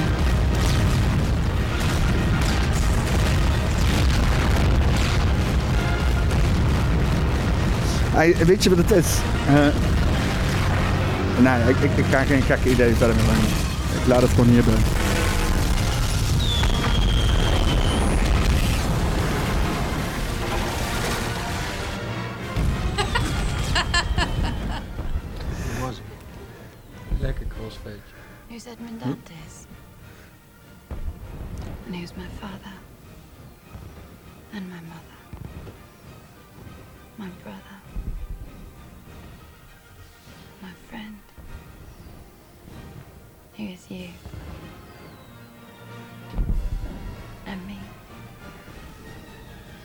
Ja, en in ieder geval gewoon eh, gruwelijk vette shit. Eh, en, eh, en inderdaad, hè, wel, het is gewoon feestelijkheid. Gewoon, het is niet zeg maar een terroristische aanval. Het is zeg maar een, een, een, een, een act of the people, weet je. Als je zoveel mensen kan mobiliseren om zoiets zonder rare slachtoffers voor elkaar te krijgen, zou toch fantastisch zijn. En, maar ja, hè, dit, is, dit blijft natuurlijk altijd fantasie. Of als het gebeurt, weet je wat het stomme zou zijn? Weet je wat het stomme zou zijn? Als dit zou gebeuren in Nederland, hè, vooral nu zou het best kunnen, hè, dat dus inderdaad de hele politiek is nu toch verplaatst naar een ander gebouw. Ze zijn de hele zooi aan het renoveren. Dat in één keer de zooi opblaast en zo. Dan zou ik er nog verdacht van worden ook. Ik zou niet eens geloven in de revolutie. Als er revolutie komt, ik geloof er niet eens in. Volgens mij is dat ook nog een gezegde van iemand. Die zegt, iemand die zegt, when the revolution comes, nobody will see it, weet je wel, of zoiets. Het is, het is ook hetzelfde als dat, iets, volgens mij is het iets met Jezus of zo, weet je wel. Als Jezus terugkeert, zal toch niemand het, het merken, weet je wel, niemand het geloven. Dat is ook een beetje met de revolutie. Het is zo, het, het, zo, eh, het, het, gebeurt toch niet. En als een revolutie komt, is de vette afknappen. Misschien is dit al de revolutie. Volgens mij is de revolutie echt dat je achteraf al denkt van, ah, dit was een revolutie, of niet? Ja, je weet wat zeggen, hè? The revolution will not be televised. Ja, dat is hem inderdaad, ja. The revolution will not be televised. Ja. Wat betekent dat? Dat het niet in beeld komt. Dus wat je zegt, hè, wat het, zou, natuurlijk kunnen dat dat, dat dat op gang komt al nu. Of dat er een bepaald verzet is of iets in die richting. En dat, die gaat natuurlijk niet aan de voorgrond treden. En ook al treedt hij aan de voorgrond, dan wordt hij eronder gedrukt. En dat is het hele punt. Dat is hetgeen ook waar je tegenop komt. Is, is, is tegen, de, tegen het establishment. Dus als het establishment ook media in handen heeft. Wat natuurlijk het geval is. Wat ook weer inhaakt op iets wat je net zei. Van je hoeft maar de eerste te zijn die het verhaal eh, eh, poneert. En dan heb je het narratief in handen. Dat, dat is niet helemaal waar natuurlijk. Want je kunt ook een verhaal poneren. En vervolgens geeft iemand daar een spin op. En die spin die wordt eh, onder de aandacht gebracht. Bijvoorbeeld door de media. Ja, maar, maar, maar dat kost wel, het kost altijd meer energie om iets te spinnen dan om de eerste te zijn om het verhaal neer te leggen, zeg maar. Dat weet ik niet. Dat weet ik niet. Dat, dat, dat, dat, dat is gewoon zo, want als jij als eerste bent die het verhaal neerlegt, ehm, een, een, een- natuurlijk heb je wel een, een moment waarbij er gewoon een hele hoop gespeculeerd wordt, en dat is zeg maar het rommeligste. Maar als jij dus inderdaad als o- eh, officiële instantie iets met ethos of logos, weet je wel, wat, iets wat, wat, wat geverifieerd is, eh, eh, dat, dat die als eerste naar buiten kan treden. Eh, eh, met bepaalde informatie, waarvan mensen dus dat is dat het ook een, een persoon is die mensen geloven. hè. Eh, want, want daarna kunnen er dan wel journalisten of andere mensen komen die, die, die, die erop ingaan. Maar als gewoon de persoon, desbetreffende persoon waar het over gaat, of die, die inderdaad de, de uitspraak doet, gewoon als eerste is in de media met, met desbetreffende uitspraak. En dan hoef je er niet veel moeite, te doen. Je moet alleen als eerst zijn. Dat is misschien de meeste moeite. Je moet zorgen dat je als eerste een, een vrij eh, eigenlijk hard standpunt inneemt en daar duidelijk over uitspreekt. En dan kan je dat gewoon lo- los laten gaan. Dat blijft hangen als, als een stank in een lift, weet je wel. Dat, dat krijg je niet zomaar weg. Want mensen gaan meteen aan de haal. Want vooral als er iets er, ergs is gebeurd, hè, dan, dan willen mensen meteen willen antwoorden, willen meteen iemand aan kunnen wijzen. Dus als iemand ze dat geeft, dat, dat, dat internali- eh. Ik zeg niet dat mensen individueel niet wel of forward en heen en weer kunnen skippen. Ik skip ook altijd als er iets gebeurt van, van hut naar her en zo, weet je wel. Ik zat voor aan de coronacrisis ook eh, helemaal, eh, oh, neem het vaccin, weet je wel. En dat is ook eh, weer, de andere kant op gegaan, zeg maar. Dat heb ik met elke beleidsvoering gedaan. Ik denk dat heel veel mensen dat hebben, dat ze een beetje flippen. Maar de algehele sfeer, weet je wel, die, die, die, die zie, is altijd terug te leiden naar het eerste statement dat is gedaan. Is, het is wel iets wat, wat ik veel zie. Ja, nogmaals, ik weet, ik weet niet of dat zo stellig te, te zeggen is. Ik denk dat het heel erg afhankelijk is van wat je. Ja, want, want als je komt als tweede, moet je iets ontkrachten, zeg maar. Hè? Dat is het, zeg maar. Als je als eerste bent, dan hoef je niks te ontkrachten. Dan pleur je gewoon iets neer en dan zeg je voilà. En als je eh, eh, eh, als tweede komt, of vervolgens op statement, dan moet je eerst zeggen waarom dat eerste niet waar is, zeg maar. En anders is het een, een, een, een, een, een dan is, dan, anders is dat de alternatieve realiteit, zeg maar. Weet je wel? Ik zeg ook niet dat het altijd werkt. Hè? Dus er zal best wel eh, situaties zijn waarbij eh, dit misschien dan is gefaald. Maar het wordt heel vaak gedaan. En het is ook niet moeilijk om te doen. Enige wat je hoeft te doen is als eerste te zijn. En dan, wat ik zeg, dan daarna, om dan echt de waarheid te vers- vers- verspreiden, dat kost meer moeite. kost meer energie. Kijk, snap, dat, snap je, zie je dat zeg maar? Dat als, je, zeg maar, als er iemand al een statement heeft gedaan en je moet dan vervolgens eh, eh, iets gaan lopen bewijzen of iets proberen te vertellen, dan gaat iedereen altijd refereren naar dat eerste stuk, zeg maar. Is dat iets wat je vaker ziet of zo? Of eh, praat ik dan eigenlijk iets raars nou? Nee, ik snap heel goed wat je bedoelt. Ik ben het er alleen niet mee eens. Ik denk dat de, de factor media-aandacht daar heel groot, waarschijnlijk wel het grootste onderdeel in is. Dus in, in, in, hoever, in hoeverre komt, het, komt hetgene wat jij als, als eh, eerste verhaal, waar je het net over had, eh, naar voren brengt. In hoeverre komt dat eh, onder, onder groot aandacht? Als het maar onder hele kleine aandacht komt en iemand geeft er een spin op en een spin hoeft niet altijd een ontkrachting te zijn, dat is het mooie aan spinnen. Als je dat goed kan, dan hoef je niet te ontkrachten, dan daadwerkelijk dan verdraai je het verhaal. En als dat verdraaide verhaal veel meer aandacht krijgt, dan is het eerste verhaal totaal niet meer relevant. En dan is dat je, dan is dat je leidende verhaal. Snap je wat ik bedoel? Dus ik denk niet dat het eerste verhaal altijd het meeste aandacht krijgt of altijd het sterkste staat of zo. Heb, heb jij een voorbeeld van een eh, overduidelijke spin of zo of iets? Eh, niet on top of mind, maar ik kan, eh, ik kan er wel eens in gaan duiken. Ja. Dat is misschien wel leuker voor de volgende podcast. Ja, ja. ja. Eh, even teruggaand op, eh, op de revolutie. Eh, zit jij te wachten op revolutie? Weet ik niet. Heb ik niet echt een op. Nou, poppenkast 32. ja. Nee, ik denk dat we wel een beetje richting het einde gaan komen, hè? En wat eh, willen we nog, eh, willen we nog ehm, eh, dingetjes hebben over, over stoptober? Of sober oktober? Zijn er nog dingen, zeg maar, die jij... want het, thema van vandaag is toch wel echt stoppen. Wil je nog iets toevoegen?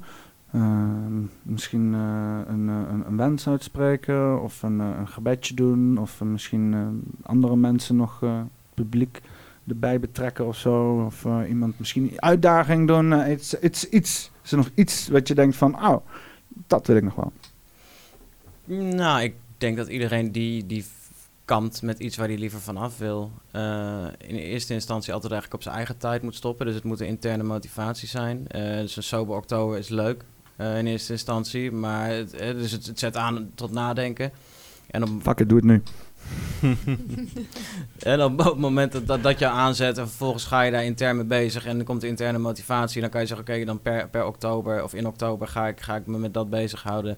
Eh ik denk dat het voor iedereen belangrijk is om eh, heel goed na te denken, voornamelijk over de, over de zaken waar ze wellicht van af willen of die ze wellicht willen, willen minderen. Of wellicht andere gewoontes juist eh, onderdeel willen laten worden van dagelijkse routine of gewoon hun leven, zoals bewegen, zoals gezonder eten. Want ik denk dat dat heel wezenlijke zaken zijn. ja want het is niet alleen een maand om misschien eh, ook echt daadwerkelijk te participeren maar het zou ook eh, te kunnen, een maand kunnen zijn om te kunnen laten inspireren door misschien andere verhalen of andere mensen in je omgeving die ook misschien ergens mee gestopt zijn en het is niet altijd roken het kunnen ook hele andere dingen zijn Eh, suiker Ja, het kunnen compleet andere dingen zijn. Ik, ik, ik heb een andere, nou, ik weet niet of ik het een verslaving ben, het is inmiddels wel een gewoonte geworden. Dus als ik, als ik in bed ga liggen, zet ik meestal een podcastje op. Ja, ja ik, ik kijk ook heel veel tv in bed altijd. Nee, ik kijk dan zelf geen tv, dus dan meer een audio dingetje. Maar ik, eh, en, en daar moet ik eigenlijk ook vanaf. Ja, gewoon gewoon YouTube. rust in mijn hoofd. Ik, ik luister heel veel naar van alles. Hm. Overdag, s'avonds, 's middags, 's ochtends. En ik moet, dat, ik moet dat meer, denk ik, dat ik dat meer moet gaan doseren voor mezelf. Misschien moeten we een keer hoe eh, te stoppen om met luisteren naar podcast podcast maken. Nou, je hoeft niet te stoppen met luisteren, maar proberen te doseren. Dat is... eh, Ik kan, ik kan wel een aflevering maken, speciaal voor jou, zeg maar. Met, eh, die, die gewoon zo naar en vervelend is dat je gewoon eigenlijk zegt van... Ah, laat maar zitten, dat ga ik niet. Of gewoon, of gewoon de hele tijd in je oor fluisteren van... Zet je koptelefoon af. Ga nu slapen. Zet je telefoon uit. Is dat iets? Is dat iets wat zou helpen?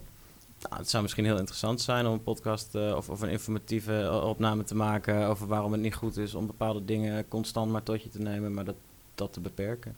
Zeker s'avonds, wanneer rust belangrijk is eigenlijk, wanneer je een beetje tot rust moet komen in je Ik lichaam. ben, ben ik wel nieuwsgierig. Wat is zeg maar een podcast die je dan hebt zitten luisteren voordat je ging slapen... dat je dan denkt, godverdomme, dit helpt niet.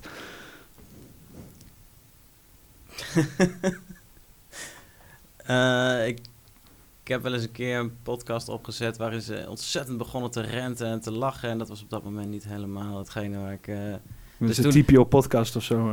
Nee, ja, ik, weet- ik weet niet zo goed wat dat was. Maar dat is dan wel een moment dat ik denk van... wa- waarom doe ik dit eigenlijk s'avonds? Laat, ik- laat ik lekker gaan slapen, weet je. Morgen weer een dag. Maar het is, dat is een gewoonte geworden. En het hele punt is die gewoontes doorbreken. Deze, Nou, niet per se deze maand, maar deze maand kan daar een mooie aanleiding toe zijn. Dus dat, eh, daar, ga- daar ga ik zeker over nadenken intern. En ik zou iedereen willen aanmoedigen datzelfde gewoon eens te doen. Denk er eens over na. Participeer, laat je inspireren, maar sowieso domineer. En, en paneer. Heb je ook nog een eer die we me kunnen toevoegen aan deze? Nee, ik zit even na te Masturbeer? Ja, kan ook. Kun je ook te veel doen. Is dat, eh, is, dat, eh, is dat iets waar jij last van hebt? Nee, sorry, dat wou ik niet vragen hoor. Wou jij nog inderdaad iets toevoegen aan deze podcast? Eh, Ehm, ja, ik zat daarover na te denken. Ehm, ja, ik, ik heb zelf niet echt iets waarmee ik per se wil stoppen of zo. Maar je moet gewoon stoppen als je het, als je het wilt. En, eh, Als er iemand wil stoppen eh, en eh, ze hebben het idee dat hun chakra's dicht zitten, eh, dan eh, kunnen ze sowieso bij jou aanbellen. Ja. Ja. Zeker. En ik, ik zweer het, eh, eh, ik wist niet eens dat ik chakras had. nee, dan, eh, dan eh, gaan we er een eind aan breien. We hebben een mooie eh, 1 uur en 20 minuten volgeluld. Zo met z'n drie, wat vonden we ervan? Zo met z'n drieën? Is dit... Nou, leuk. Ja, dat is wel doable. Ik denk dat het, eh, als we het de volgende keer met z'n drie doen, dat het leuk is om echt per topic te gaan. Ik denk dat je dan net wat gestructureerder gesprek zou kunnen voeren. Maar ik denk dat het, dat het altijd leuk is om met meerdere te podcasten. Ja, jij houdt van structuur, hè? Nee, niet altijd. Maar ik denk dat het goed is om, om bepaalde haakjes te hebben. Eh, en om van tevoren een beetje van elkaar te weten wat, je, eh, wat, eh, wat de angles zijn. Dan kan je daar natuurlijk altijd op uitbreiden. Eh, ik denk dat je dan iets meer houvast hebt in je podcast. Dat, Ja, nee, ik, ik ben, ben van plan om echt podcast uit te poepen de, de komende tijd. Want mijn setup is nu zo, hoe noemen we dit? Eh, eh, ehm, efficiënt. Nou ja, ja gewoon, gewoon efficiënt. Ik kan gewoon op de knop drukken, opnemen, klaar is Kees, weet je wel. Dus we kunnen letterlijk gewoon, als je een keer een leuk idee hebt of zo, dan misschien even een podcastje erin douwen. Ja, enerzijds is het heel leuk dat je, dat je super flexibel bent en dat je heel snel de pop podcasts en de podcasts eh, eh, kunt uploaden of zelfs live kunt draaien. En dat je letterlijk elke dag bijna twee podcasts kunt opnemen. Alleen het is natuurlijk ook altijd de kunst, net als met alles, eh, om daar ook niet in te verzadigen. Want dan zie je door de boom het bos niet meer. Niet verslaafd raken aan podcasten opnemen. Krijg je dat weer? Nou, ik, ik, ik denk wel dat dat inderdaad een dingetje gaat zijn eh, deze maand. Ik denk wel dat ik moeilijk veel mm, zinni- onzinnige podcasts ga doen. Ja, het is voor mij nooit onzinnig, omdat ik, het is ook een leerproces voor mij. Dus dat is natuurlijk, eh, dat is, het is altijd is fijn. En, eh, en content eh, online zetten, dat is de enige manier hoe je een YouTube-kanaal begint. Dus je kan het doen, laten en denken wat je wil, maar uiteindelijk moet je gewoon content online gaan knallen. Dus, dus, dus ik, ik weet niet. Het is wel het is mooi. Het is een mooie ik ben nog wel benieuwd naar iets. Kijk, jullie willen allebei bewust stoppen hè, met Ja. iets deze maand. Ehm, heb, hebben jullie daar iets tegenover staan wat je meer wil gaan doen? Of daar hebben we natuurlijk in het begin een beetje over gehad. Of ehm, heb je een concreet plan hoe je dat gaat doen? Ja, zoals ik al zei, ik wil, eh, dan zou ik cold turkey stoppen. Dat, dat zou je gaan doen of ga je dat doen? Nee, dan wil ik inderdaad cold turkey stoppen. Ehm, ik weet niet of dat gelijk vandaag lukt of morgen lukt. Maar ik, nogmaals, ik ga me dus deze maand eh, heel bewust bezighouden eh met dat ik dat wil. Dus de interne motivatie eigenlijk tot zo'n level laten komen dat ik zeg oké, morgen kap ik ermee. Eh, en dan zal ik dat, zoals ik ook al eerder had gezegd, eh, opvangen met, eh, met dingen die ik leuk vind. Denk aan muziek maken, eh, Ja, denk muziek aan maken, sporten, denk aan eh, misschien wat schrijven hier en daar. Wat voor muziek maak je? dergelijks. Van alles. Ik knal, me, ik knal mijn computer aan, ik zet mijn synthesizer aan en we gaan eens even noedelen. Laten we eens een muzieksessies doen dan. Dat kan altijd. Dat wil ik weer doen inderdaad, ja. Even meer mijn oude, mijn oude mijn muzieksetup goed. Ik heb wel, eh, ja, die is niet van mij, die heb ik geleend. Maar dat was ook wel, eh, dat was ook wel nice, maar even lekker plaatje draaien. Maar daar heb ik ook al eigenlijk een hele tijd niet meer gedaan. Helemaal niks meer. eh. Ja, dat is hartstikke leuk. Ja, en is ook heel goed voor dat chakra wat met de verslaving te maken heeft. Creativiteit. Creativiteit inderdaad. Ik denk dat dat ook hetgeen is wat ik eigenlijk Ja. probeerde te Doen zeggen. wat je en dan leuk vindt. gaf ik daar even mijn eigen invulling aan. Maar het is Ja. inderdaad hè, het, creation, het creëren, het. Creatiekracht gebruiken die in je zit. En wellicht dat daar zelfs wat meer eh, van naar boven komt. Scheppingskracht, creativiteit, Ja. beweging, voeding. Heeft allemaal eh, met dat chakra te maken en ook masturbatie. Dus dat zou je ook kunnen doen inderdaad. Aftrekken als Zolang een je het motherfucker. niet te veel doet, want dan wordt het weer een verslaving. En dan krijg je een rauwe pik van. Ja, Voor de dames die niet snappen waarom je eh, niet te vaak kan aftrekken. Rauwe pik. Ik, ik weet niet of er ook zoiets bestaat als een rauwe kut. Ik denk het wel. Ik laat me hier niet over uit. Explicit content. Eh, ik zeg eh Poppenkast 32. Ik heb er nog helemaal geen titel gegeven, joh. Ja, nee, ik noem het gewoon Stoptober. Eh, ik ga voor die clickbait shit. want want ja, dat is toch wel een beetje de insteek geweest. En, en ja, uiteindelijk sluiten we ook weer heel mooi af met wat fantastisch advies. Hè? Ben je ook aan het stoppen? Dit is het moment ervoor om het in ieder geval samen te doen. Heb, voel je er niet, door, eh, niet voor dat het dit het moment is, moet je het ook gewoon niet doen. Doe je het wel, doen we het samen. Laat weten wat je ervan vindt. En eh, natuurlijk, blijf creatief. En als het allemaal niet meer lukt en je, je staat in de fik en, en, en, niks lukt, het is gewoon, het leven is drama en, en, en je wil zelfmoord plegen, dan eh, doe dat niet. En eh, ga naar Rea eh, Beauty, Life and Soul voor eh, een, een goede holistische helingssessie. Eh, daar waar westerse medicatie ophoudt, daar begint het hele van de ziel. Heb ik dat mooi gezegd? Ja. Marketing, ja. En dan, ja, dan sluit ik hem hierbij af. Dit was uh, Poppenkast 32 met Finn Smaak en Claudia Hogenwij. Stop Tober. Een hele fijne avond. Of dag trouwens. Ik weet helemaal niet wanneer ik dit online ga zetten. Dus eh, leuk muziekje. Dus druk eens op, druk eens op play. Ik? Ja, ja op de playknop van die, van die linker.